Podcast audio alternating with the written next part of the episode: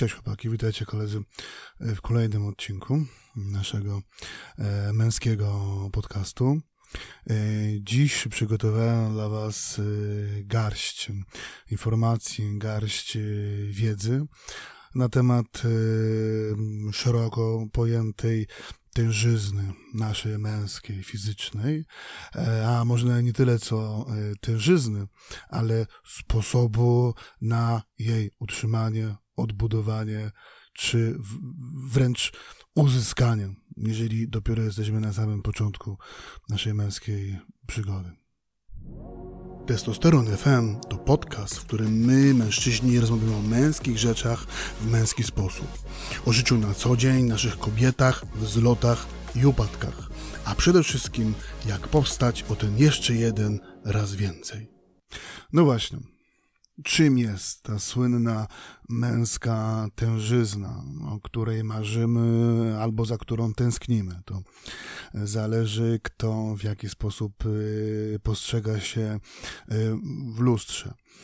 Mm, to, co nas y, z trzecio- i czwartorzędnych różnic płciowych odróżnia od kobiet, to właśnie budowa ciała to stosunek masy mięśniowej do masy tłuszczowej. Mm, nasze panie, miłe i ukochane nasze drugie połówki, nawet jeżeli są od nas o połowę lżejsze, to średnio posiadają od 8 y, do 12% więcej tkanki tłuszczowej niż my, mężczyźni. Mm, wydawać wam by się mogło, jak to jest możliwe, jeżeli całkiem szczupła kobieta, albo innymi słowy, my byśmy chcieli być tak szczupli jak jedna czy druga dziewczyna, może mieć o te właśnie 10 e, e, e, średnio mówiąc więcej procent tłuszczu. No tak właśnie jest, ponieważ to, co pod skórą nie widzimy w sposób, nazwijmy to organoleptyczny, to jest suma kośćca, to są mięśnie jako tkanka mięśniowa i tkanka tłuszczowa i pokrywają skóra. I właśnie stosunek masy tłuszczowej do masy mięśniowej u kobiet jest w stronę około 10% większej tkanki tłuszczowej względem mięśniowej. Wynika to z wielu rzeczy, nie będę wam w tym momencie na ten temat wykładu robił, ale między innymi z ilości i zawartości testosteronu, o czym mówiłem wam w pierwszym odcinku, to właśnie wysoki poziom testosteronu odpowiada za tak zwany pozytywny, dodatni e, bilans azotowy, który mm, przekłada się chociażby w pierwszej kolejności na przyswojalność białka, który jest podstawowym budulcem e, naszych mięśni. Natomiast e, nasze panie mają nieco wyższy poziom tkanki tłuszczowej, po to, niż my średnio rzecz biorąc, bo do tego nawiązuję, aby ich gospodarka mm, hormonalna, a w szczególności estrogen, mógł prawidłowo funkcjonować w ich organizmie. Zresztą w odcinku o testosteronie mm, mówiłem wam o tym właśnie, że kiedy nam zaczynają rosnąć brzuszki, a e, chudnąć ramionka i klatka piersiowa, to to jest właśnie sygnał, że gdzieś ten testosteron e, poszedł do defensywy, a na pierwszy plan wysunął się estrogen, który doskonale doskonale czuję się w takim środowisku, e, gdzie jest dużo mm, tkanki tłuszczowej. E, I teraz tak. Mm, nasze męskie spojrzenie, nasze sylwetki mm, może mieć kilka podłoży. No, pierwszym podłożem, chyba takim najbardziej oczywistym, jest pewnego rodzaju sentyment do tego, kiedy byliśmy młodymi chłopakami, kiedy z większą bądź mniejszą lekkością e, biegaliśmy za piłką, graliśmy w koszach, graliśmy e, w nogę i, i wszędzie zawsze na wszystko mieliśmy siłę, mieliśmy energię i nic nam nie ciążyło. Czyli gdzieś tego bandziocha ze sobą nie dźwigaliśmy, tak? Czyli na pewno gdzieś jakieś nasze spojrzenie na naszą sprawność fizyczną, tą, której już kiedyś, e, kiedyś już, którą już kiedyś mieliśmy, mieliśmy i, i, i, i przynajmniej połowę z nich chcielibyśmy mieć dziś. Na pewno gdzieś stratek formy i, i, i, i, i trochę brzucha mówię o brzuchu w kontekście takim, nazwijmy to, symbolicznym, bo, bo jakby nasz organizm otłuszcza się cały, ale w szczególności w okolicach e, właśnie brzucha może otyłość, szczególnie powyżej 30%, e, powyżej 30 e, punktów BMI, e, Body Mass Index, może powodować wszelkiego rodzaju choroby, a najpierw kłopoty związane z układem krążenia, z obciążeniem serca, z podniesionym ciśnieniem, wysokim cholesterolem. To trzeba mieć tego świadomość, że im większą mamy tkankę tłuszczową, tym więcej nasze serce musi tego wysiłku e, zużyć, aby cały nasz układ e, funkcjonuje, na układ całego naszego ciała natleniający e, nasz organizm we krwi po prostu przepompować, przetłoczyć. No i też, szczerze mówiąc, albo może dla niektórych z Was to będzie pierwszy punkt, dlaczego patrzymy na, na, na siebie w lustrze bardziej krytycznym okiem, e, e, gdzie, gdzie, gdzie, gdzie, gdzie przestajemy się czuć po prostu atrakcyjni. Być może brzmi to dosyć, nazwijmy to trywialnie, czy infantylnie, czy wręcz można by kolokwialnie powiedzieć po, po, po, po, po, po babsku, bo to one wiecznie w lustrze sobie się nie podobają, ale my też, panowie, możemy się sobie w lustrze nie podobać. I to mm, nie tylko przez pryzmat naszej atrakcyjności względem e, kobiet, które mimo wszystko umówmy się, też są w dużym stopniu wzrokowcami, tylko my sami dla siebie, gdzieś ta nasza męskość, gdzieś to nasze takie poczucie kontroli, bo czym innym jest dobra forma płaski brzuch, jak nie możliwością, umiejętnością kontroli nad własnym organizmem. Więc w którymś momencie gdzieś nam to ucieka. Przestajemy czuć kontrolę nad samym sobą i to może nas wpędzić w złe samopoczucie, co by nie mówić jeszcze gorzej. E, mówiłem wam też w jednym z odcinków y, pierwszych o testosteronie na temat tego, w jaki sposób nasze organizmy, nasze ciała e, prezentują się. Kobiety, gdy idą poprzez wąską talię i, i szersze biodra i, i, i uda, tam gdzie u nich ta tkanka tłuszczowa ma prawo. Natomiast mężczyźni e, poprzez zupełnie inną anatomiczną budowę mm, ciała u nas ta szerokość E, przede wszystkim jest ukształtowana w formie trójkąta, czyli od szerokich barków, schodząc w dół do wąskich bioder i mm, wąskiego tyłka, można by powiedzieć. To jest klasyczne, to jest klasyczna budowa męskiego ciała. Oczywiście mm, w zależności od tego, w jaki sposób mamy zbudowany nasz szkielet, jaką szeroką mamy e, samą obręcz barkową, tą ramę barkową, mówię, tą szkieletową ramę barkową, jak szeroko mamy e, rozmieszczone ramiona, jak wyglądają nasze obojczyki, możemy mieć różne uwarunkowania genetyczne do tej takiej klasycznej trójkątnej budowy naszego ciała. Niemniej, niemniej e, to, co jest widoczne mm, na samym końcu, czyli mówiąc w pewnym sensie na zewnątrz, to to jest masa mięśniowa. To szerokie barki nas poszerzają. I brak brzucha, płaski brzuch, yy, u dołu nas zwężają. Tak optycznie tą męską sylwetkę się buduje. I mówię o tym celowo dosyć taki mm, wyeksponowany sposób, abyście, bo później będę wam mówił nieco więcej o, o, o, o takich zestawach ćwiczeń, które nazwijmy są typu must be. One zawsze się sprawdzają i jeżeli nie chcecie zostać zawodowymi kulturystami, tylko chcecie trenować w sposób regularny, systematyczny, mądry, ale też i, i optymalny, e, to będę wam o tym mówił. Ale pamiętajcie, te, ta budowa ciała, gór górnej części ciała w, w kształcie mm, trójkąta, to jest to, w którą stronę zmierzamy. Im będziecie w lustrze widzieć szersze barki i węższe, węższą talię, tym będzie to oznaczało, że ten kierunek, który objęliście, jest dobrze realizowany. Teraz też powinienem dodać jedną rzecz. To nie jest do końca sam trójkąt. To jest tak zwany X ponieważ ta dolna część, mam na myśli nasze nogi, szczególnie nasze uda, czworoboczne, dwugłowe, y, czworogłowe y, nóg, y, mięśnie, o których też będę później mówił, one też są bardzo istotne. No nie ma nic gorszego niż tak zwana postawa bociana, czyli stosunkowo dobrze rozbudowana góra, chude nóżki i, i mała dupka. No to oznacza, że ktoś ewidentnie buduje sylwetkę tak zwaną plażową i to bynajmniej o nim e, nie, nie, nie zbyt dobrze świadczy. Teraz tak, czym jest y, masa mięśniowa i ile jej powinniśmy mieć, żebyśmy mieli tego świadomość. Pamiętajcie, że mówimy o poziomie tkanki tłuszczowej naszej męskiej, natomiast y, no, kobiety tam są plus 10 około, ale to zostawmy sobie na boku bez znaczenia, czy ważymy 70 parę kilo, czy ważymy ponad 100 kilogramów. Będę mówił o procentowej zawartości tłuszczu w męskim organizmie.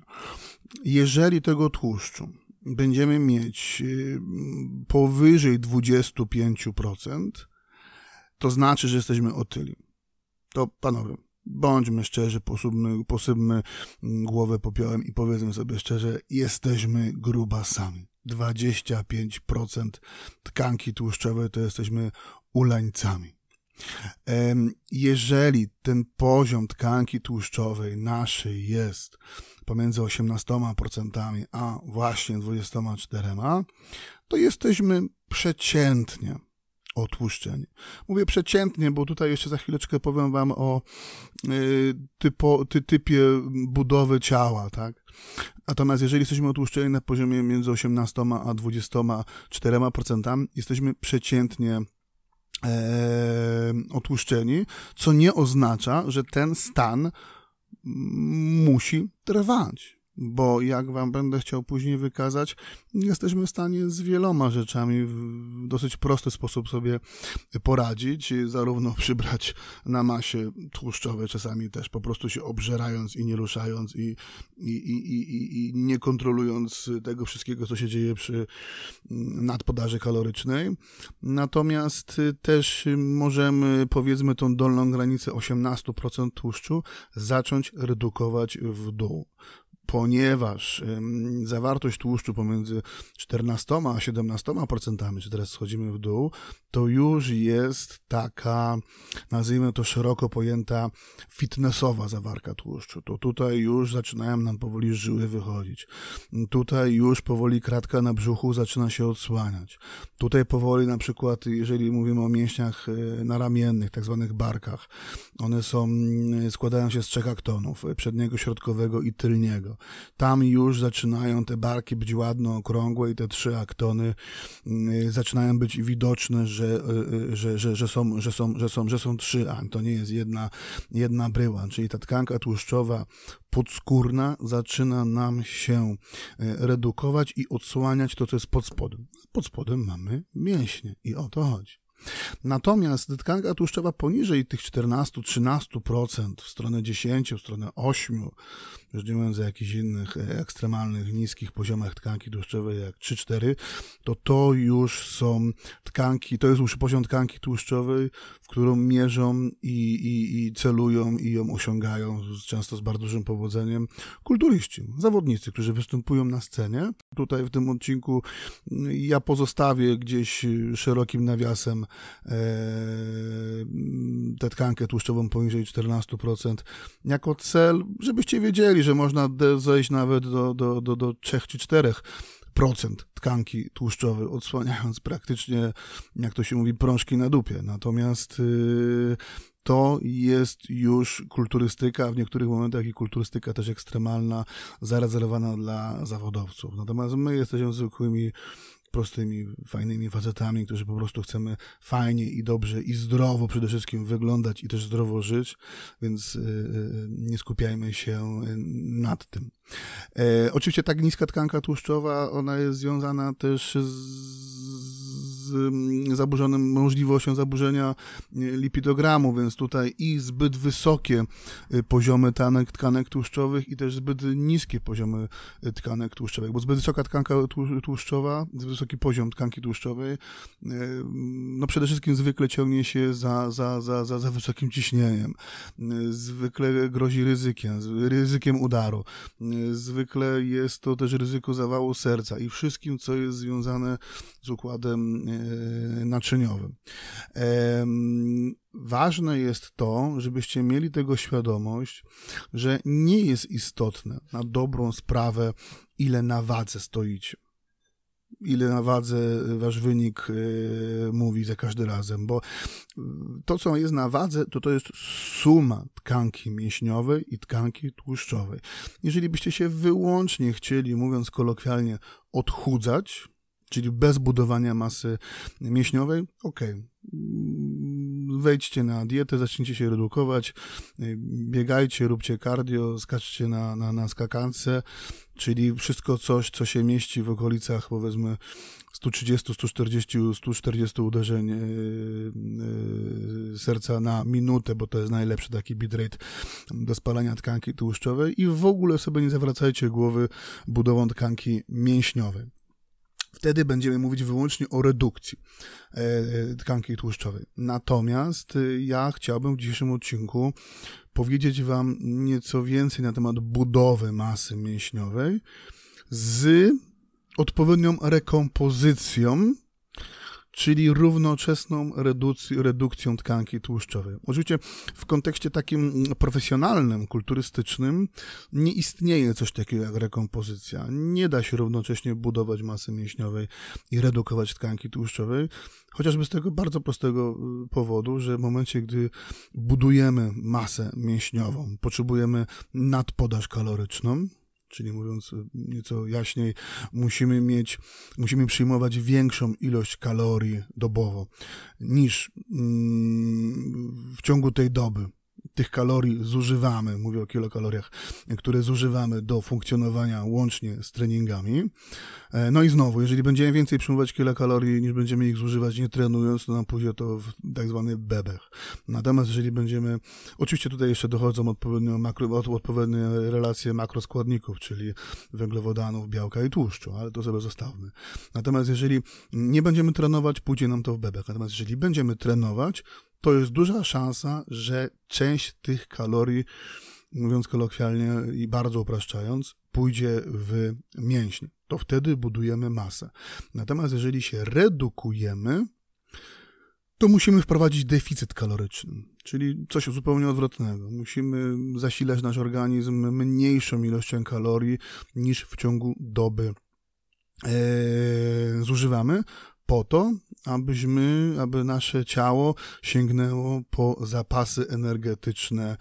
No, często najpierw w glikogenie, który musimy na bieżąco uzupełniać, ale później w drugiej kolejności mm, w tkankę tłuszczową od tej najświeższej aż po najstarszą, bo niestety taka jest kolejność, dlatego też y, często jest tak, że tego tłuszczu, który nosimy ze sobą na przykład na, na tak zwanych boczkach, jest nam go najtrudniej zbić, bo jego mamy od dawien, dawien, dawien dawno i on nam się bardzo dobrze czuje. Łatwo nam jest zbić otłuszczenie ramion czy klatki piersiowej i ten pierwszy taki tłuszcz z brzucha, ale tą tkankę tłuszczową, którą mamy od dłuższego czasu i, i, i ona w większym czy mniejszym stopniu się utrzymywała przez te lata, no to niestety nie jest na łatwo się jej tak y, pozbyć.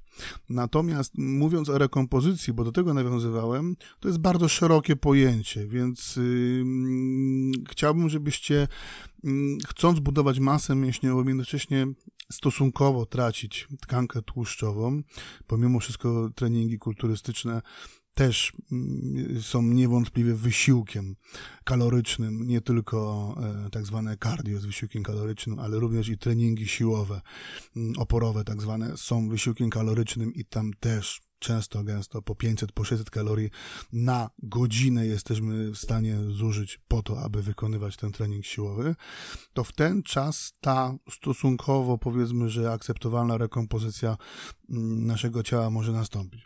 A dlaczego o tym mówię?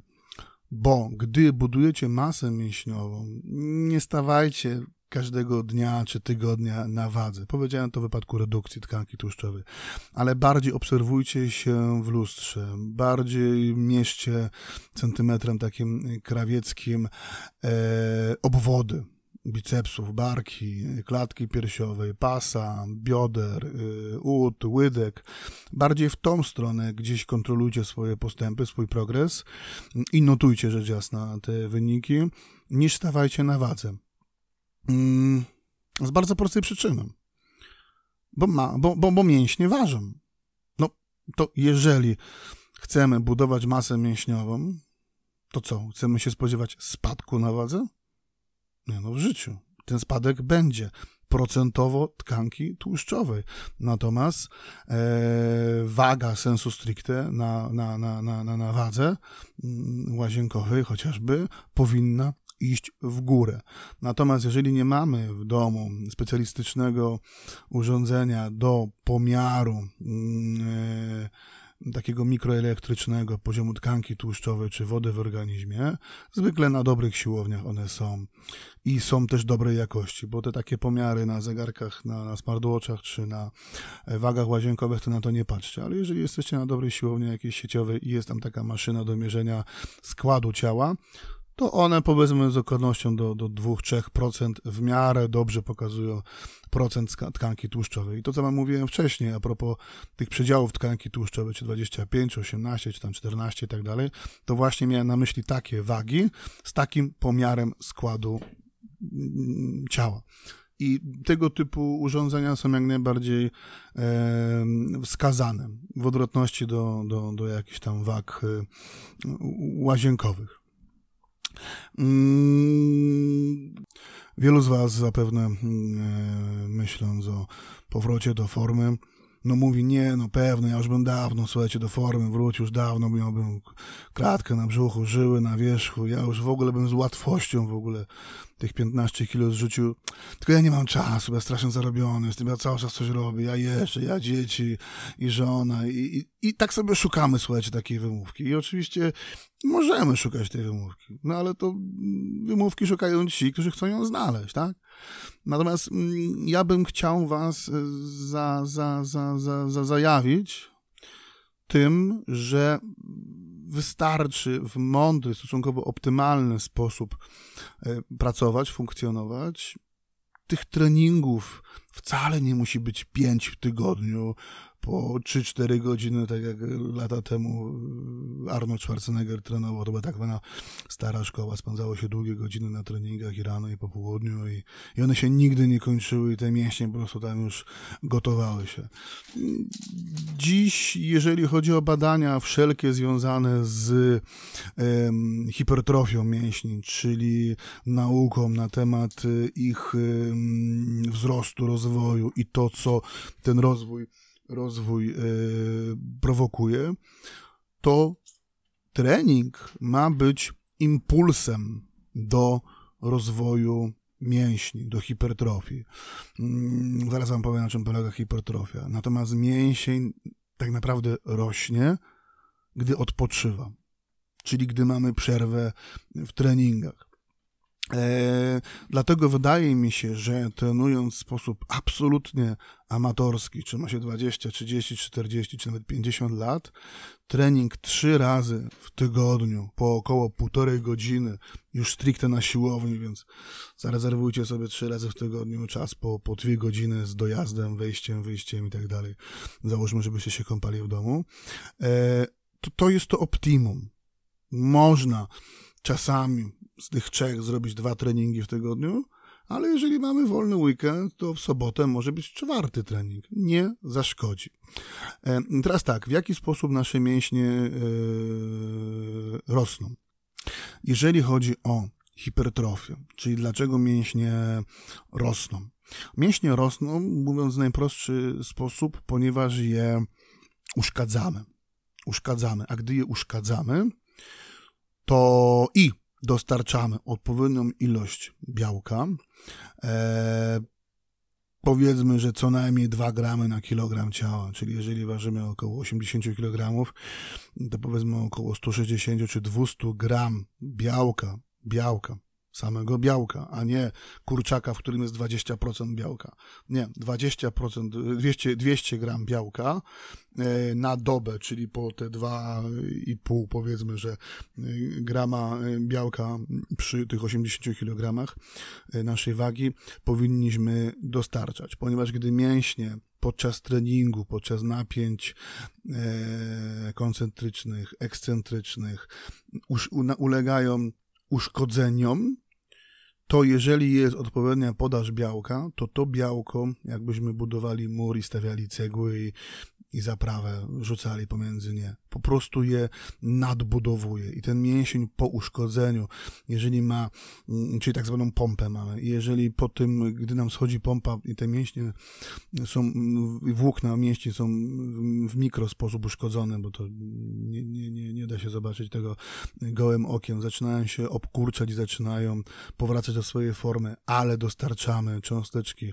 białka do naszego organizmu, to one się o ułamki milimetrów, o ułamki milimetrów y, roz, roz, rozrastają, rozciągają, już się nie kurczą do swojej formy sprzed treningu, postaci sprzed treningu, tylko o te ułamki milimetrów, nanomilimetry one się powiększają z treningu na trening, co często jest mało widoczne gołym okiem, ale gdybyście robili zdjęcia, do czego zachęcam, z miesiąca na miesiąc, kwartału na kwartał, to zobaczycie, jak te mięśnie, czy bicepsy, czy, czy, czy, czy tricepsy, czy barki, one będą rosły. No właśnie przez to, że podczas treningu dostaną impuls, zostaną uszkodzone, a podczas y, przerw treningowych, gdy mięsień będzie odpoczywał, gdy wy będziecie odpoczywać, a regeneracja jest bardzo ważna, e, będą w ten sposób y, zwiększały swoją objętość. I to jest podstawowa i zasadnicza zasada hipertrofii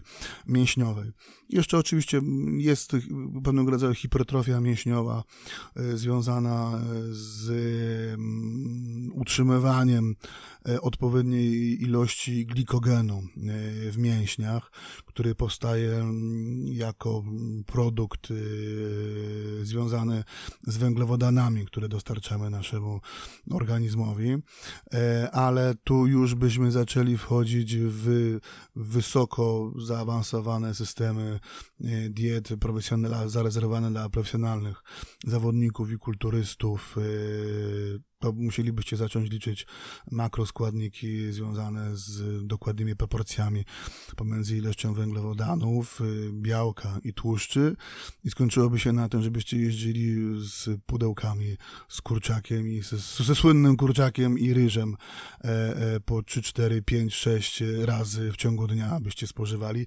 Wtedy by się okazało, że dostarczacie tam po, po 300-400 gram samych węglowodanów do organizmu, pompujecie niesamowitą ilość glikogenu do mięśni. Tylko pamiętajcie, jeżeli coś nam idzie w brzuch, to nie nadmierna ilość tłuszczy, e, które wprowadzamy do organizmu, tylko nadmierna ilość węglowodanów niewykorzystanych. Więc takie diety wysokowęglowodanowe, dobrze usłyszeliście, nie wysokotłuszczowe, jak tam keto, nie keto, tylko właśnie wysokowęglowodanowe, one są zarezerwowane dla zaawansowanych e, kulturystów, zawodników, którzy dostarczając powiedzmy po, po 3,5, po 4, po 4,5, czasami nawet i powyżej 5 tysięcy kilokalorii e, na dobę i tak jak wam mówię, po, po, po, po 400 i po więcej gram węglowodanów, po to właśnie, aby mieć jak największą zawartość glikogenu w mięśniach, to ta ilość kilokalorii przy dużych, mocnych, ciężkich treningach jest pożytkowana w taki sposób, jak powinna mieć. Natomiast normalnie my, żyjący, funkcjonujący, trenujący mm, rekreacyjnie te trzy razy w tygodniu po półtorej godziny, nie mamy szans przerobić takiej ilości węglowodanów, czyli nie innymi słowy, drogą eliminacji można by powiedzieć, nie jesteśmy w stanie liczyć na naszą hipertrofię mięśniową przez zwiększenia, przez takie właśnie mm, zwiększanie ilości glikogenu w mięśniach, gdzie oczywiście tu mówimy nie tylko o hipertrofii gliko, związanej z glikogenem, ale też i tej hipertrofii związanej z uszkodzeniami y, mikrowłókien. To wszystko jest teoria, która jest Wam co do zasady potrzebna, bo musicie pamiętać, że no pain, no gain, no, tak się kiedyś na siłowniach, na koszulkach nosiło i tak, tak jest. Jeżeli nie trenujemy, jeżeli nie podnosimy odpowiedniego ciężaru, oczywiście tutaj można by jeszcze wyliczyć, czym jest ciężar maksymalny, czym jest upadek mięśniowy, e, ilości powtórzeń, ilości serii, o tym wam będę chciał za chwilę też powiedzieć. Ale pamiętajcie, jeżeli przy dziesiątym, dwunastym powtórzeniu nie zaczyna ten mięsień palić, e, tylko dopiero przy dwudziestym, to znaczy, że ten ciężar jest y, zbyt lekki. Natomiast jeżeli dobierzecie ciężar mm, tak, że jesteście w stanie zrobić, e, nie wiem, 6 czy 7 powtórzeń, a już przy czwartym chwiejecie się bądź kombinujecie i pół ciała e, ciągnie ciężar zamiast jeden mięsień, to znaczy, że e, ten ciężar jest zbyt mocno dobrany. Są dane, są informacje, z których wynika, że najlepszą, optymalną ilością powtórzeń w serii dla optymalnej, najlepszej hipertrofii to jest właśnie liczba powtórzeń pomiędzy 8 a 12, zakładając, że ostatnie dwa czasami trzy powtórzenia zbliżają się do 80-90% maksymalnego ciężaru, czyli tak de facto przy tej ilości powtórzeń, w zależności od tego, ile jeszcze mamy e, serii danego ćwiczenia, ale powiedzmy, że idziemy w tak zwany upadek mięśniowy. Upadek mięśniowy jest niczym innym jak po prostu e, od, odmową współpracy naszego mięśnia, czyli po prostu kiedy ciągniemy ciężar, czy to jest hantel na biceps, czy, czy, czy, czy sztanga na klatę i, i, i po prostu mamy siódme, ósme, dziewiąte powtórzenie. Gdzieś w głowie widzicie, że jeszcze dwa, trzy pociągnę i jeszcze wyciskam. I przychodzi moment, w którym jesteście przy tym, nie wiem, jedenastym, dwunastym i to dwunaste już jest na granicy odpuszczenia, upuszczenia yy, ciężaru. Tak? To to jest właśnie upadek mięśniowy. I no, są wiele szkół na ten temat. To, to, to, to musielibyśmy tutaj kolejnych kilka odcinków na ten temat zrobić. Ale można by założyć, że jeżeli załóżmy mm, na daną partię mięśniową robicie powiedzmy około 8 yy, serii, to i powiedzmy w tych 8 seriach, nie wiem, na biceps znajdują się dwa ćwiczenia, yy, to można by przyjąć, że pierwsza czy druga seria są seriami, nazwijmy to takimi rozruchowymi, gdzie tak dobieramy ciężar i to dotyczy większości mięśni, szczególnie małych mięśni, czyli biceps, triceps, łydka powiedzmy, czy barki, bo o dużych partiach mięśniowych to mówimy o brzuchu i mówimy o grzbiecie, mówimy o klatce piersiowej, no ale powiedzmy, że dla uproszczenia przyjmijmy tą zasadę dla, dla wszystkich y, partii mięśniowych, więc załóżmy, że yy, mamy 8 serii po cztery serie na dane ćwiczenie, ale łącznie 8 serii na daną, na daną grupę mięśniową, no to powiedzmy pierwsze dwie serie to są serie takie rozruchowe, żeby napompować mięsień krwią, bo krew, czyli tak zwana pompa, to ona nas odżywia. To ona doprowadza e, maksymalną ilość tlenu e, do mięśni i to ona nam daje po prostu power, ale też i następuje hipertrofia, czyli to, co wam mówiłem, uszkodzenia włókien, bo im mięsień jest bardziej dopompowany, tak zwana pompa, tym fizycznie te mięśnie bardziej pęcznieją i tym łatwiejszemu ulegają e, uszkodzeniu, a co za tym idzie, jeśli dostarczamy, teraz powtórzę po raz kolejny, odpowiednią ilość białka, no to następuje e, wzrost tych mięśni. Mamy dwie serie takie rozruchowe i tutaj dobieramy ciężar, pamiętajcie o tym maksymalnym ciężarze. To tutaj dobierzmy tak ciężar, żeby, żebyśmy byli w stanie wykonać, nie wiem, 20 powtórzeń, czy nawet 25, czyli stosunkowo lżejszy, czyli jeżeli na przykład robimy biceps, tak? Czyli przechodzimy już do tego systemu y, treningowego za chwilę. Jeżeli robimy biceps normalnie dwunastkami, yy, mówię o tych seriach powiedzmy po 8 czy po 12 powtórzeń, robimy dwunastkami, czy, czy, czy, czy, czy, czy nie wiem, czternastkami, czy piętnastkami, to te dwie pierwsze serie zróbmy sobie ósemkami, czy nawet siódemkami, ale pociągnijmy po 20 powtórzeń. Niech ten mięsień się napompuje. Natomiast dwie kolejne serie z tej czwórki, prawda, z serii na, na, na, na, na z tej czwórki, a tak de facto z ósemki na daną partię mięśniową, już zróbmy tym ciężarem, tak go dobrać, aby na poziomie 12, 13, 14 powtórzenia na, na, mógł nastąpić, mógł nastąpić, bo niekoniecznie musimy tego doprowadzić, mógł nastąpić upadek mięśniowy, czyli nie jesteśmy w stanie już podciągnąć e, ciężaru. I ten system gdzie e, zmieniamy ciężar, czyli y, zaczynamy większą ilością powtórzeń z mniejszym ciężarem, a kończymy ćwiczenie mniejszą ilością powtórzeń z większym ciężarem, sprawdza się bardzo dobrze, ponieważ i następuje mm, progres y, wagowy obciążenia przerzucanego żelastwa, i w tych dwóch pierwszych seriach rozgrzewamy mięsień i pompujemy go krwią.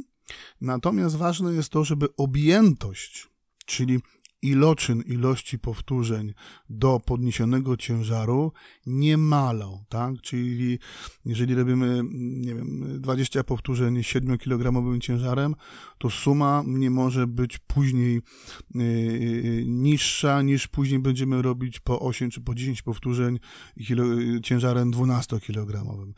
Ten progres dla mięśni, on yy, sumaryczny, ten iloczynowy, on musi być bez względu na to, którą partię mięśniową trenujemy, jakim ćwiczeniem, czy na maszynie, czy, czy, e, czy wolnym ciężarem. I teraz tak. Znowu będę porównywał to do, do, do, do zawodowych kulturystów, po to, żeby Wam pokazać, jakie są różnice. Zawodowi kulturyści trenują w systemie tak, zwanym, tak zwanego splitu lub y, pull push legs. Co to znaczy? Są to treningi dzielone, czyli przykładowo, że to są trzy treningi w tygodniu, chociaż zawodnicy trenują więcej, no ale załóżmy, że są trzy treningi w tygodniu. Tak zwany trening split y, jest treningiem dzielonym, tak? Czyli, że nie robimy na każdym treningu tego samego zakresu ćwiczeń dla wszystkich partii mięśniowych od tak zwanych od stóp do głów, tylko sobie dzielimy przykładowo, że w poniedziałek robimy klatkę z plecami, e, czyli duże partie mięśniowe, e, w środę robimy biceps, triceps i barki, czyli tak zwane łapy, ramiona i to są małe partie mięśniowe, e, a w piątek robimy nogi. Na nogi składają się e, uda, czyli to są mięśnie czworogłowe z przodu i dwugłowe z tyłu. To są łydki i te z mięsiem pośladkowe jako największe, czyli cztery, cztery grupy ćwiczeń na, na, na nogi się składają. E, I do tego jeszcze sam brzuch jako taki, w sumie zwykle brzuch się robi z nogami raz w tygodniu, ale, ale, ale, ale, ale można go dorzucić praktycznie do każdej partii e, mięśniowej. I to są treningi, które w większości, w przeważającej części wykonują zawodnicy, tak jak wam wcześniej wspomniałem. I w ten czas, jeżeli powiedzmy, no jakby siłą rzeczy, no to jest logiczne, że jeżeli trening trwa przykładowo dwie godziny czy półtorej godziny i robimy tylko dwie partie mięśniowe, to jesteśmy w stanie poświęcić im więcej czasu z większą ilością obciążeń, niż byśmy w ciągu tego półtorej godziny musieli zrobić całe ciało od stóp do głów. Tak? No to jest chyba jakby e, logiczne. Natomiast nam, amatorom, nie jest potrzebny trening splitowy, czyli ten z podziałem. Wspomniałem wam jeszcze o, o treningu pull i push i legs. No, on jest w dużym stopniu zbliżony do, znaczy on jest jakby w nawiązaniu do tego splitu. To jest, to jest też trening y, dzielony, gdzie zawsze osobno robi się nogi.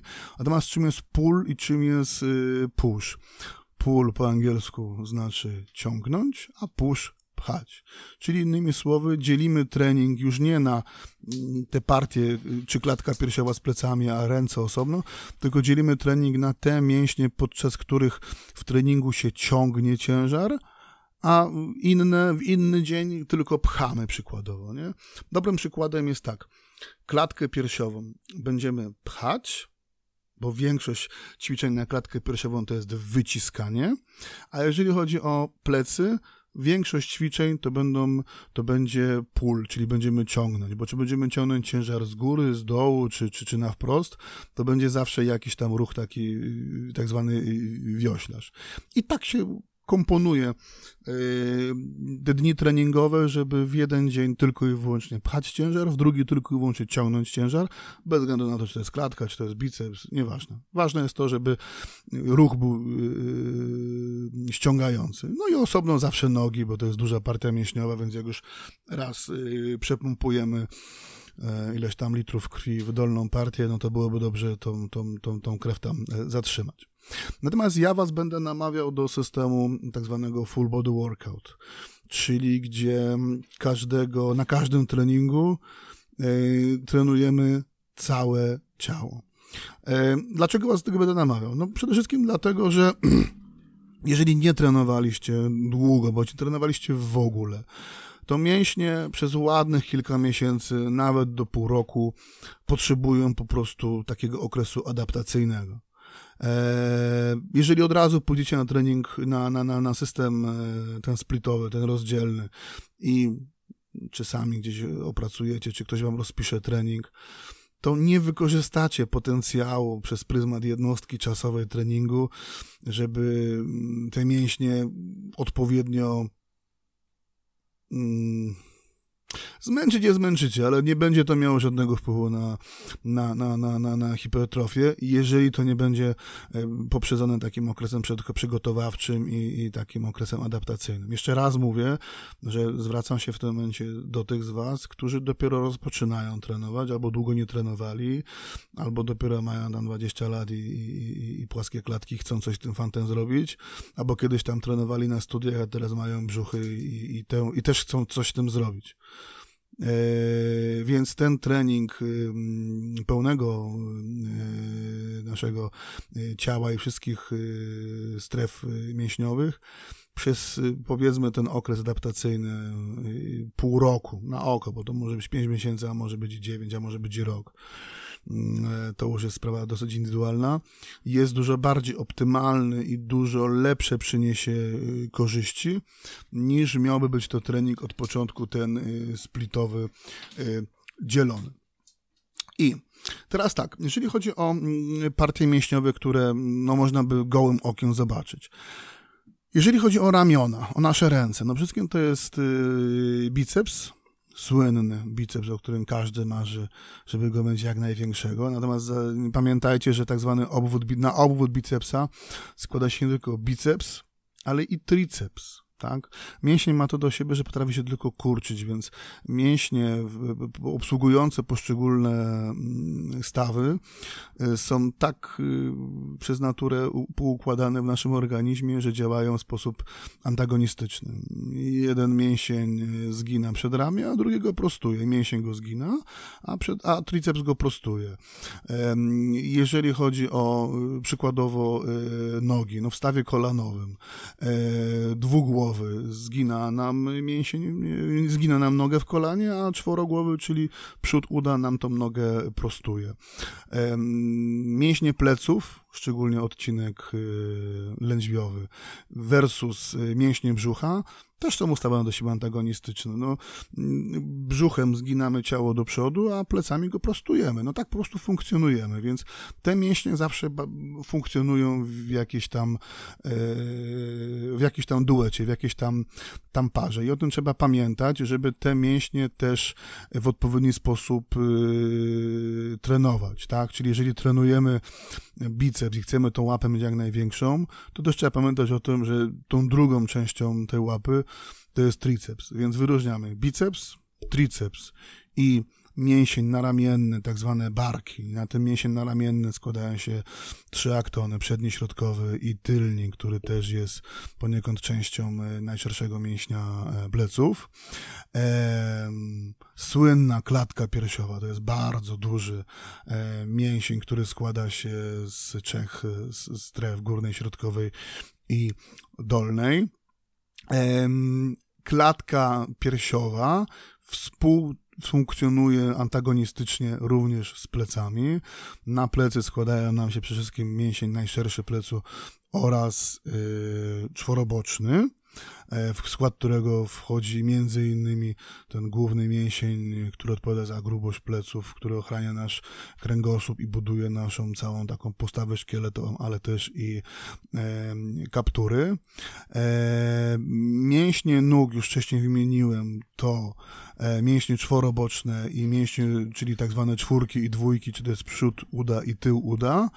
To jest mięsień e, pośladkowy i mięśnie łydek. No i na samym końcu pozostaje brzuch. Czy brzuch trenować na siłowni, czy w kuchni? Dobrze usłyszeliście, w kuchni. Myślę, że na początku trenujcie go na siłowni. Czyli potraktujcie go jak każdy inny mięsień, który wymaga, który wymaga e, obciążenia. Natomiast z czasem, gdy zacznie Wam się redukować tkanka tłuszczowa e, i ten mięsień zacznie się odsłaniać, to sami dojdziecie do pewnego rodzaju wniosków, bo mięsień, mięsień, mięsień, mięsień yy, brzucha i oczywiście mówimy o głównym mięśniu i też mięśniach skośnych brzucha, on jest na tyle wdzięczny, że my go mamy pod często bardzo grubą tkanką tłuszczową w stosunkowo niezłej formie i jego po prostu wystarczy po prostu odsłonić, żeby się ładnie ten brzuch y, zarysował. Natomiast dla ogólnego, nazwijmy to tak zwanego koru, czyli żeby ciało wasze ładnie się budowało, ładnie się pionizowało i żeby yy, właśnie mm, plecy miały silnego antagonistę w postaci brzucha, to ten brzuch, szczególnie w tym okresie adaptacyjnym, należy ćwiczyć. I teraz tak, jak wam wspomniałem wcześniej, ustalcie sobie mm, trzy dni w tygodniu, najlepiej gdyby był poniedziałek, środa i piątek, e, które są świętymi dniami. Czy będziecie trenować rano, czy będziecie trenować wieczorem, to już zależy od waszego czasu. Ważne jest to, żebyście zarezerwowali co najmniej półtorej godziny na treningu. I teraz tak, na taki trening y, pod tytułem Full Body Workout, żeby całe ciało przelecieć bez brzucha, podkreślam bez brzucha, e, brzuch należały do tego wszystkiego e, doliczyć. Na każdą partię mięśniową, a przypomnę, mamy ich pięć, biceps, barki, klatka, plecy i nogi, powinniśmy zarezerwować 8 serii. 8 serii. I w każdej serii, jak wcześniej Wam wspomniałem, od 20 do, do 8 powtórzeń w sposób taki e, progresywnie mm, narastający. I jeżeli mamy dla każdej partii mięśniowej zarezerwowanych po 8 serii, no to albo możemy zrobić po 8 serii dokładnie tego samego ćwiczenia, albo co ja bym bardziej e, polecał, cały czas poruszamy się w takich naj, najbardziej możliwych e, matematycznych formach, czyli, czyli parzystych, czyli te 8 dzielimy na pół i mamy po 4 serie czyli po dwa różne ćwiczenia dla grupy mięśniowej. I teraz tak. Przychodzimy na siłownię, ładnie się rozgrzewamy. Te mięśnie muszą być y, rozgrzane, tam musi krew dopłynąć, tam muszą być stosunkowo y, rozluźnione e, i stawy, i, i, i, i powięzi. Podchodzimy do lustra, szukamy odpowiedniego obciążenia i będziemy trenować e, biceps. I teraz tak, biceps składa się z tak zwanej głowy długiej i z głowy krótkiej. Oczywiście sposobów trenowania bicepsa jest y, bądź ile, tak? I na maszynie, i sztangą, i sztangą prostą, i sztangą łamaną, e, i handlami. I na, i możemy się też podciągać na drążku. Jest ich mnóstwo, natomiast zasada jest cały czas ta sama. Po prostu ten mięsień musi pracować. Ja nie jestem w stanie wam e, podczas podcastu opowiedzieć o technice sensu stricte, w jaki sposób każde ćwiczenie należałoby wykonywać, bo od tego są albo trenerzy personalni, albo yy, jakieś poradniki na YouTubie. Ja bardziej chcę wam powiedzieć w kontekście takiej strategii treningowej, jak do tego podejść, żeby to po prostu prostu ogarnąć w głowie, ani przychodzić na siłownię, latać od maszyny do maszyny i po prostu absolutne jakieś bzdury i błędy robić. I teraz tak, podchodzimy do bicepsa. No biceps ma długę, głowę krótką i głowę długą. Yy, głowa krótka to jest ta mięśniem zewnętrznym, głowa długa jest mięśniem e, wewnętrznym, jeżeli chodzi o budowę e, bicepsa jako takiego. I jaka jest różnica? No głowa krótka odpowiada za tak zwaną tą kulkę, taką jak napniemy bicepsa. Ładnie nam się to rysuje, szczególnie widać to u kulturystów, a głowa długa to jest ta, to jest ten mięsień, który jest ukryty pod spodem, pod głową krótką. No i wydawać mi się mogło, po co trenować głowę krótką, skoro można tylko głowę krótką i żeby ta kulka była duża i fajna. No właśnie po to się trenuje głowę długą, która jest pod głową krótką, że im będzie głowa długa, dłuższa, tym będzie bardziej wypychała na zewnątrz, uwydatniała, uwidoczniała głowę krótką, czyli ogólnie objętość łapy, tak jak wam wcześniej mówiłem, jeszcze dokładając do tego triceps, po prostu będzie większa, a z czego wam życzę bardziej spektakularna.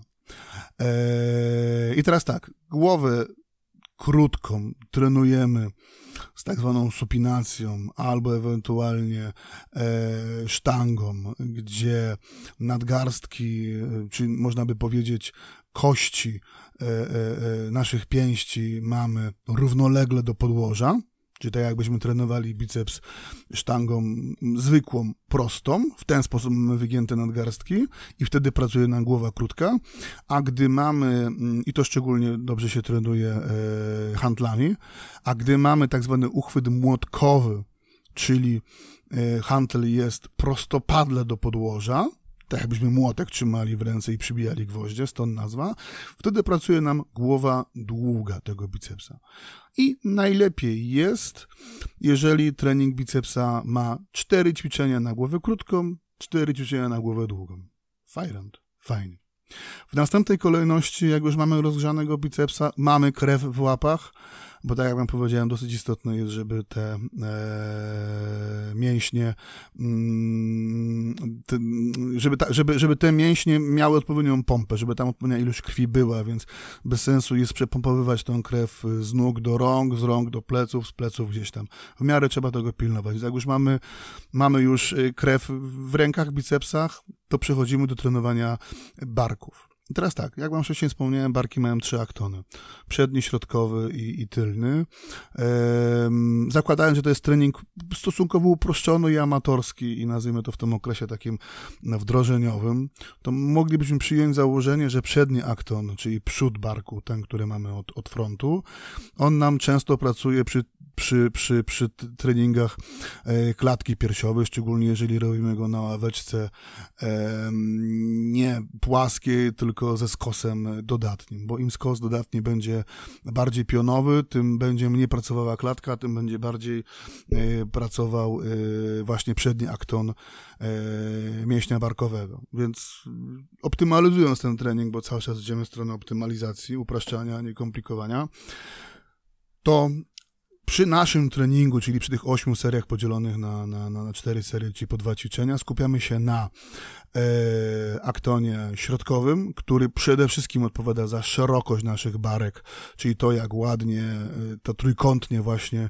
wygląda nasza e, sylwetka, bo to właśnie od szerokości barek zależy od tego, jacy jesteśmy szerocy. Mówi, jest takie powiedzenie, patrz jaki szeroki w barach. No właśnie, no kawał chłopa szeroki w barach, bo mięsień barkowy i właśnie akton nie przedni, nie tylni, tylko ten środkowy, czyli te najbardziej na zewnątrz y, wystające, to one budują tą naszą optyczną szerokość. Więc te ćwiczenia, tych kolejnych 8 serii poświęcamy tak, że 4 serie na y, środkowy akton y, mięśnia naramiennego i zwykle to są po prostu boczne wzniosy y, handli, czy względnie dociąganie do szyi e, jakiejś sztangi, czy, czy na maszynie Smitha e, dociąganie sztangi do, do, do brody. A jeżeli chodzi o e, tylnią część barków, czyli już mówiąc kolokwialnie od strony pleców, którą też często zaniedbujemy, e, to albo e, te same e, hantle podnosimy, ale w opadzie tułowia, czyli siadamy na ławeczce, wysuwamy, wysuwamy nogi do, do, do przodu, pochylamy się do przodu, czy tak de facto kładziemy się na swoich nogach czy udach i y, szeroko unosimy ręce do góry, do tyłu. Wtedy pracują barki, czujemy, że tył barek, barków y, jest napięty, on nas boli. To znaczy, że ta, y, ten tył tych barków pracuje. Ewentualnie można robić to na tak zwanym odwróconym butterflyu, czyli tam, gdzie robimy te tak zwane rozpiętki na klatkę piersiową w przód, to często można tak maszynę przestawić, żeby można było usiąść jakby twarzą do, do oparcia i ciągnąć rączki do tyłu.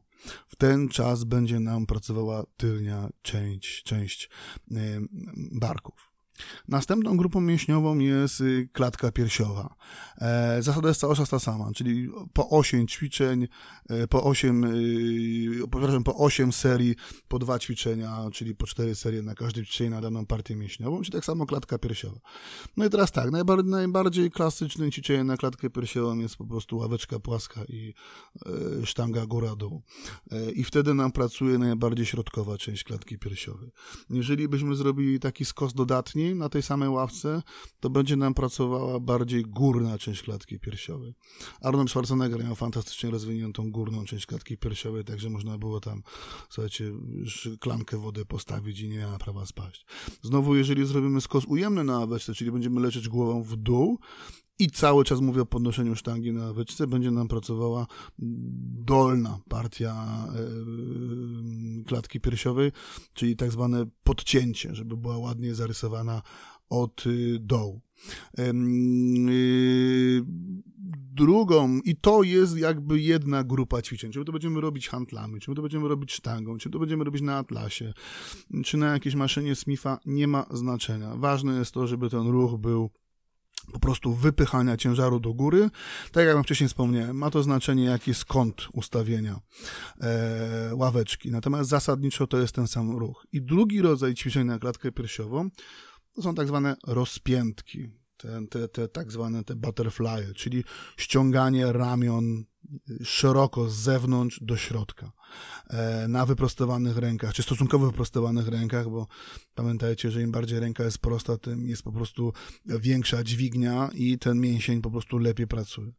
No i znowu, no, albo idziemy na maszynę, albo kładziemy się na wyczce i handlami, robimy te rozpiętki, no, albo na bramie linki ściągamy od góry, od dołu, tylko znowu jak ściągamy linki od dołu, to pracuje bardziej górna część klatki piersiowej. W każdym bądź razie ważne jest to, żebyście w treningach klatki piersiowej różnicowali, żeby to były i ćwiczenia, które zwiększają wielkość czy objętość e, e, masy tego mięśnia klatki piersiowej. I tutaj mówimy o mięśniach związanych z wyciskaniem w górę, no, nazwijmy to ta, ta, ta, ta klasyczna ławeczka, ale żebyście też trenowali e, tak zwane te rozpiętki klatki piersiowej, czyli te przyczepy e, podchodzące pod przedni akton e, mięśnia naramiennego, bo one nam ładnie budują szerokość tej klatki e, piersiowej i ona się bardzo ładnie w ten sposób e, prezentuje, żeby ona nie była tylko duża, ale wąska przed nami, jakbyśmy mieli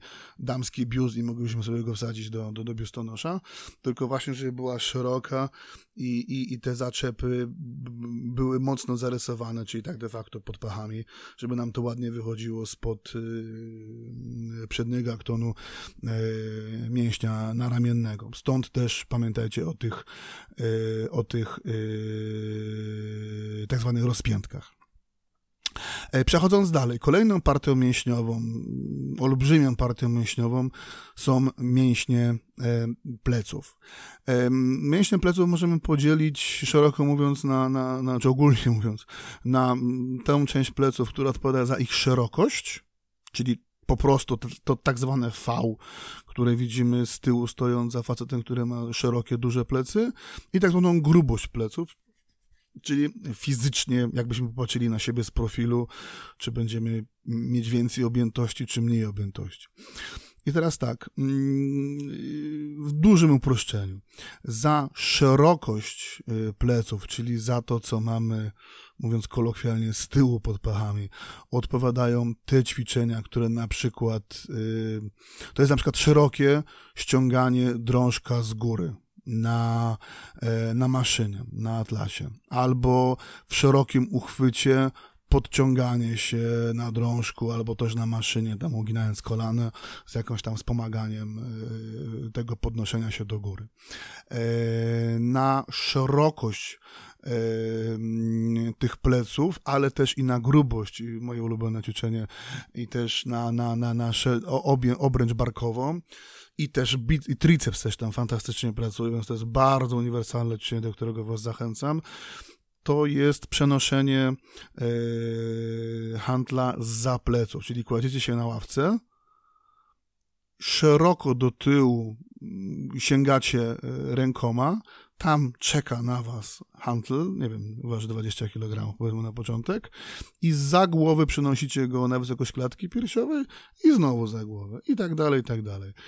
I wtedy fantastycznie pracują plecy na szerokość, obręcz barkowa, czyli praktycznie wszystkie trzy aktony, kawałek klatki piersiowej i triceps, bo nie mówię mam jeszcze o tricepsie, jak go trenować. No oczywiście można go trenować prostując ramiona y, wraz z ćwiczeniami y, tymi mm, bicepsowymi, ale to by nam doszły kolejne osobne ćwiczenia na, na, na, na, na, na triceps. A pamiętajcie, optymalizujemy się do półtorej godziny bo wy tam możecie na tej siłowni spędzić 5 godzin, ale ja wam staram się was przekonać, że jesteście w stanie zrobić w ciągu 90 czy 100 minut bardzo fajny trening. Eee, podsumuję to też za chwilę.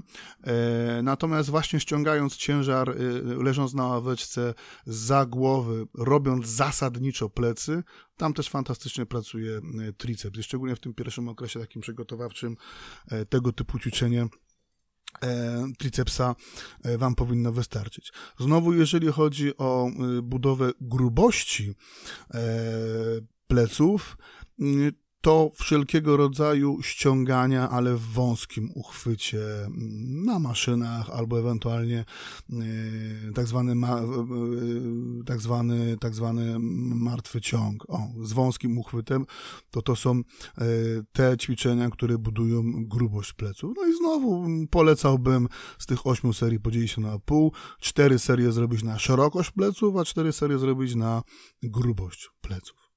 I ostatnią partią mięśniową e, w tym całym zestawieniu to są nogi. Eee, przestrzegam przed nietrenowaniem nóg. Po pierwsze, e, mocne wyciskanie nóg e, w świetny sposób boostuje nasz poziom testosteronu.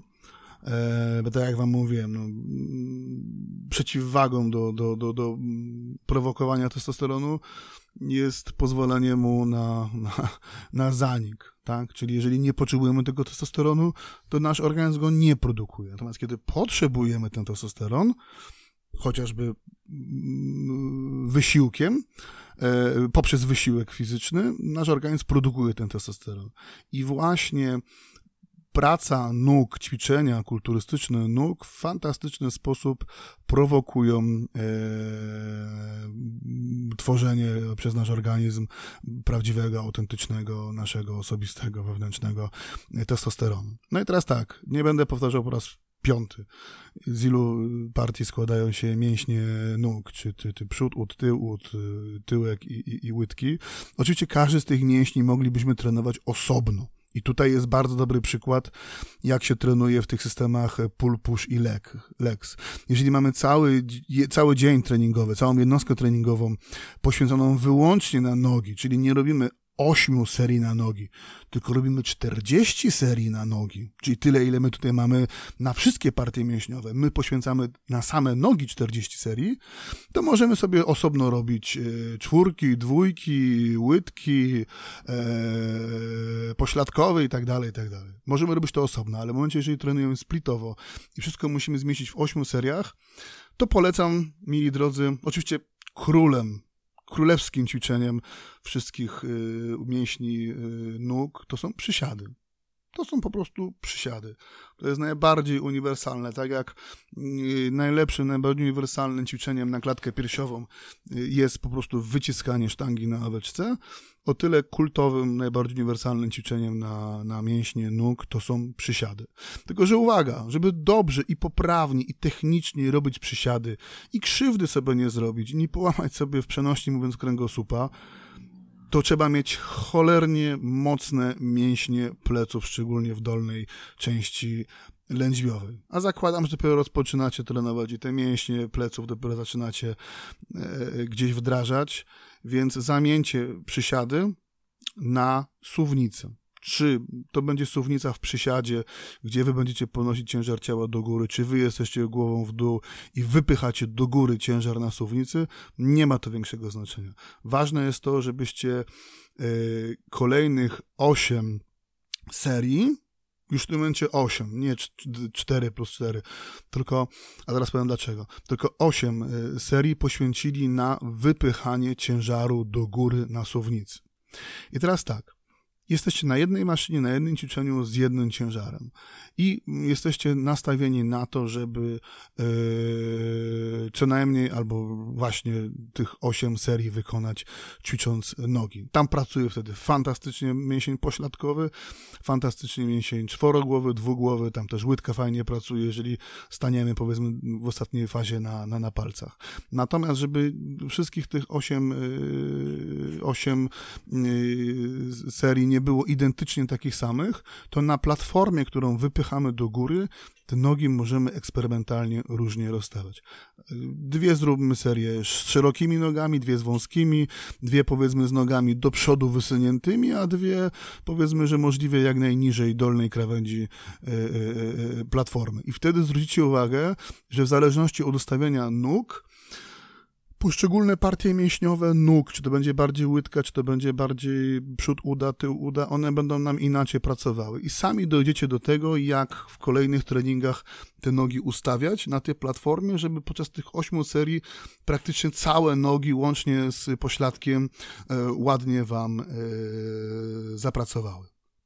Podsumowując, y, podczas treningu wykonujemy 40 serii na pięciu e, grupach mięśniowych. Dla każdej grupy mięśniowej w ramach tych ośmiu serii dwa różne ćwiczenia, czyli wykonujemy na treningu 10 różnych y, ćwiczeń, chociaż nie do końca 10, bo, bo nogi robimy na suwnicy, tak de facto eksperymentując z nogami, więc no tych ćwiczeń jest troszkę mniej, ale powiedzmy, że do upraszczając w tych 40, 40 y, seriach jesteśmy w stanie się zmieścić w powiedzmy, że w półtorej godzinie czy tam do 100 minut nawet.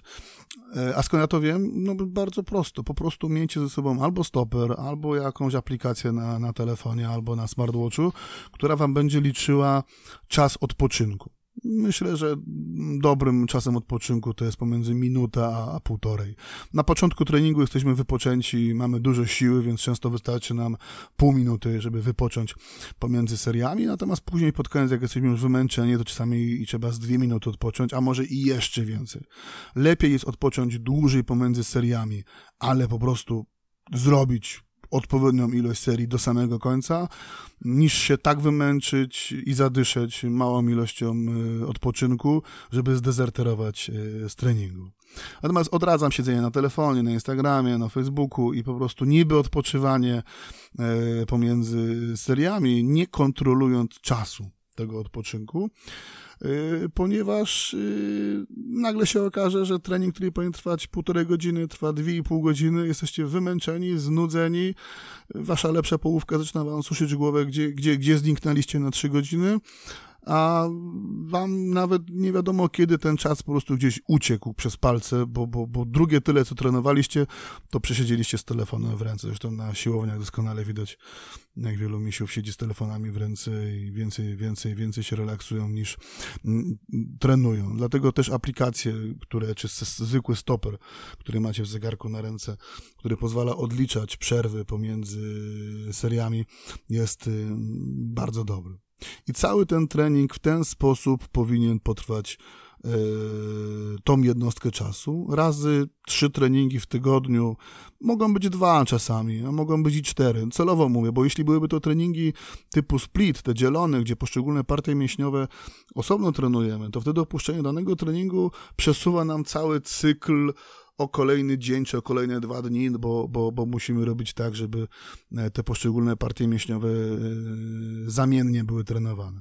Ale jeżeli trenujemy w sposób e, tak zwany mm, full body workout, czyli każdy trening jest dokładnie kopią poprzedniego, to łatwiej jest nam to dopasować do swojego trybu życia i, i z mniejszą szkodą jakiś trening przesunąć, opuścić i tak dalej, i tak dalej.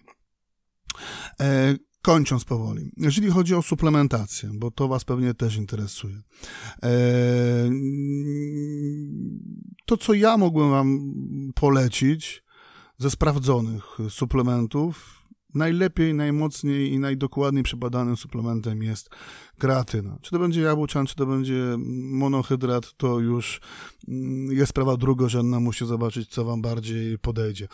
Kreatyna jest odpowiedzialna za odpowiednie można powiedzieć, nawodnienie y, mięśni. Tylko nie, nie, nie, nie, nie, nie, nie mylmy, nie łączmy to z tak zwanym ulaniem czy zatrzymywaniem wody, bo zatrzymywanie wody w organizmie jest zupełnie czymś innym, natomiast kreatyna odpowiedzialna jest za odpowiednie nawodnienie mięśnia. Im ten mięsień jest bardziej nawodniony, tym jest lepiej odżywiony, tym jest większa pompa, tym ten mięsień lepiej po prostu e, się rozrasta hipertroficznie.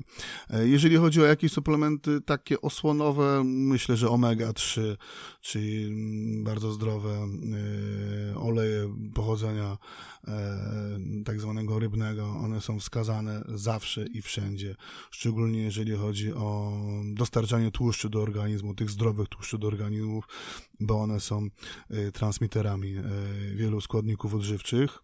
Jeżeli chodzi o białko, no nie jesteście w stanie dostarczyć spożywienia tych powiedzmy około 200 gram białka na dobę, to co wam mówiłem, te 2 gramy na kilogram ciała, czy tam 2,5 grama na kilogram ciała, więc zaopatrzcie się w jakąś odżywkę białkową, raczej dobrej firmy, nie będę tu wymieniał jakiej, ale nie jakiejś najtańszej, tylko dobrej.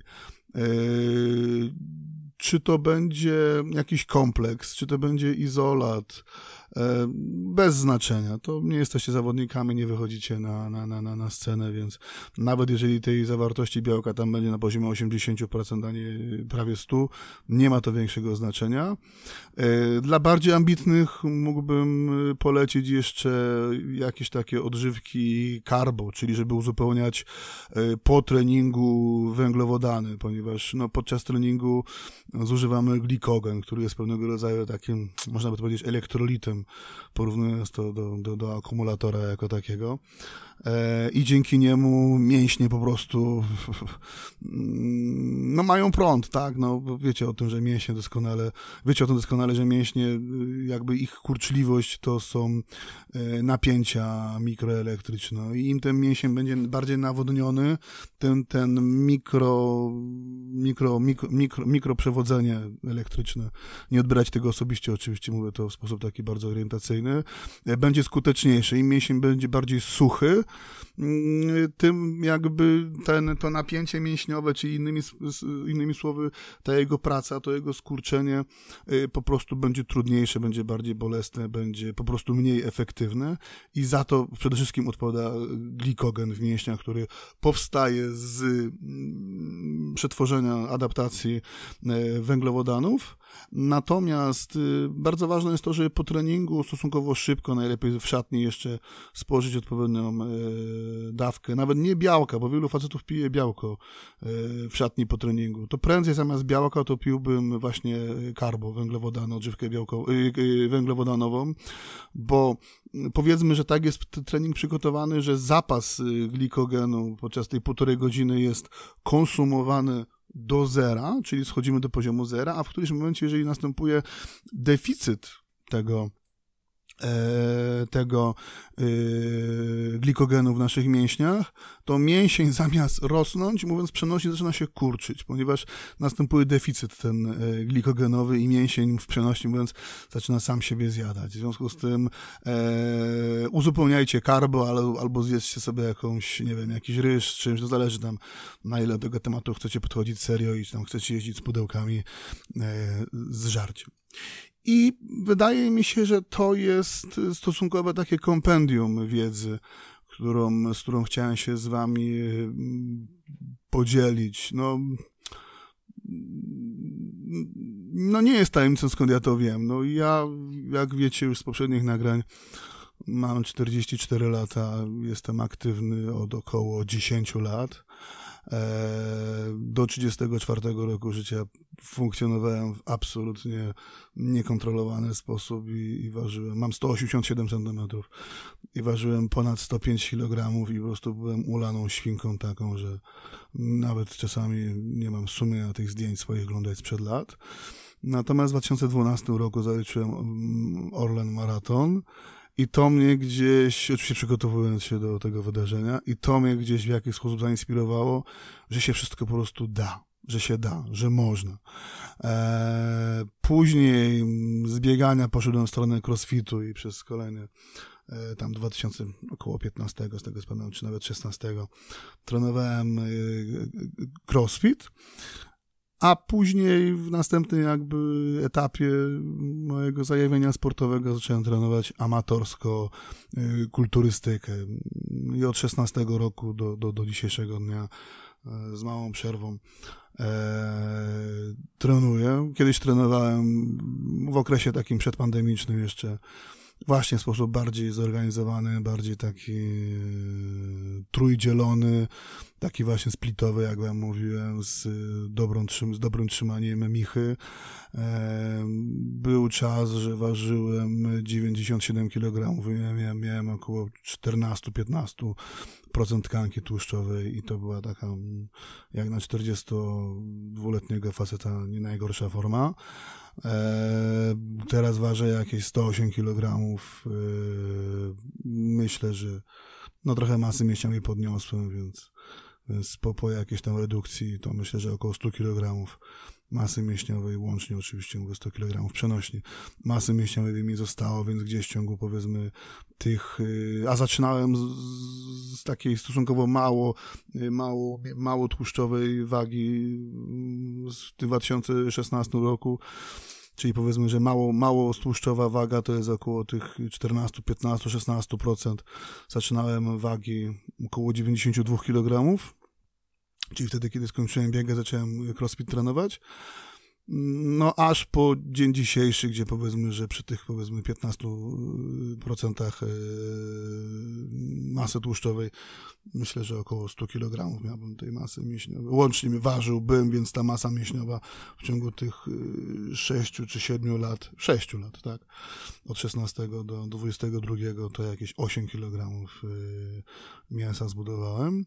Z wielką przyjemnością, tylko radością i nigdy nie byłem jakimś specjalnym pracusiem byłem systematyczny i to wam polecam. To jakby systematyka tutaj jest królem. Zresztą systematyka jest królem wszystkiego. Jak się uczymy języka albo zdobywamy nowe umiejętności, to tylko i wyłącznie ilość powtórzeń i regularność tej nauki jest dla nas kluczem do sukcesu, i tym bardziej, jeżeli trenujemy ciało, trenujemy mięśnie.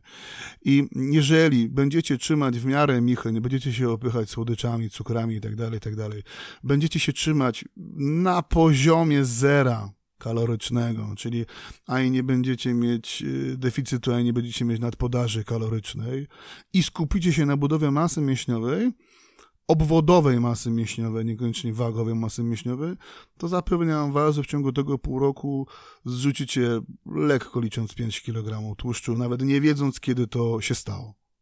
I to będzie można nazwać mimowolną rekompozycją, czego Wam, koledzy moi drodzy, serdecznie życzę.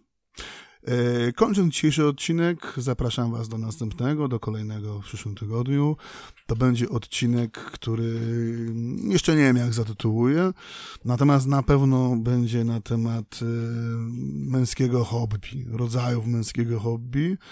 E, nie tyle, jakie hobby są dla nas dostępne, bo to chyba nas może ograniczać tylko i wyłącznie wyobraźnia i zasobność portfela, ale bardziej zastanowię się na temat tego, po co nam hobby, jakie pełni e, zadanie, do czego służy i co się dzieje z naszymi głowami, jeżeli nie mają jakiegoś wentylu, jakiegoś odpoczynku właśnie poza pracą zawodową, poza dziećmi, poza domem, no tak, żebyśmy mieli gdzie odpocząć, żeby nasze głowy miały gdzie odpocząć. Tymczasem przygotujcie się do nowego etapu sportowego. Poszukajcie w necie. Jest mnóstwo fajnych, ciekawych poradników, fajnych kulturystów. Ja polecam wam Radka Słodkiewicza, świetny zawodnik klasowej światy, klasowej e, klasy. Albo Michała Karmowskiego, też ma swoje. Albo e, Pawła Głuchowskiego, on jest świetnym też nie tylko praktykiem, ale też i teoretykiem. Y, świetny wydał podręcznik właśnie na temat hipertrofii mięśniowej. Y, albo jeżeli chodzi o czołówkę polskich kulturystów, y, nie wiem, Rafał Fryta, o, to jest znana postać. E, zresztą w ogóle, jeżeli, no nie powinienem wymieniać marek, ale jeżeli zgooglujecie sobie e, producenta odżywek Seven Nutrition, on ma bardzo dużo ambasadorów i tam naprawdę jest czołówka kulturystyczna. E, na samym końcu podzielę się z wami anegdotą, bo teraz tak, mówię wam o kulturystach, mówię wam o zawodowcach, którzy będą wyglądać jak dla niektórych z was jak monstra, i będziecie sobie mówić, e, fuj, ja nigdy bym tak nie chciał wyglądać, po co on opowiada w tym podcaście o takich zawodowcach, którzy mają same żyły i mięśnie, przecież to jest obrzydliwe, nie chcę tak wyglądać. I anegdota jest taka, słuchajcie, czytałem biografię Arnolda Schwarzeneggera, który właśnie, kiedy jeszcze w latach będących, tam powiedzmy miał 17 lat czy 18 i naprawdę zaczął masą mięśniową się wyróżniać i jego przyjaciele podzielili się na jego zwolenników i takich antagonistów, czyli tych, którzy zaczęli go gdzieś tam dzisiejszym językiem mówiąc po prostu hejtować i krytykować, jak to nieproporcjonalnie wygląda. I też, słuchajcie, nieraz spotykał się z yy, krytyką czy z dokuczaniem do niedawna jeszcze byłych kolegów, Wiesz co, Arnold, nie podoba mi się, jak wyglądasz. Nie chciałbym tak wyglądać. I Arnold wtedy odpowiadał ze spokojnym głosem, tonem głosu, spokojnie, nie grozi ci to, żebyś tak wyglądał. Więc śmiało możecie oglądać tych kulturystów, których wam wskazałem, patrząc jak oni trenują i jeżeli chodzi o rodzaje ćwiczeń technikę ćwiczeń, które ja was e, e, e, podczas tego kontastu, podcastu nie mogę wam tego przekazać, od nich się uczcie i podglądajcie, natomiast nie bójcie się. Nie grozi wam, abyście wyglądali jak oni. Trzymajcie się ciepło. Do następnego tygodnia.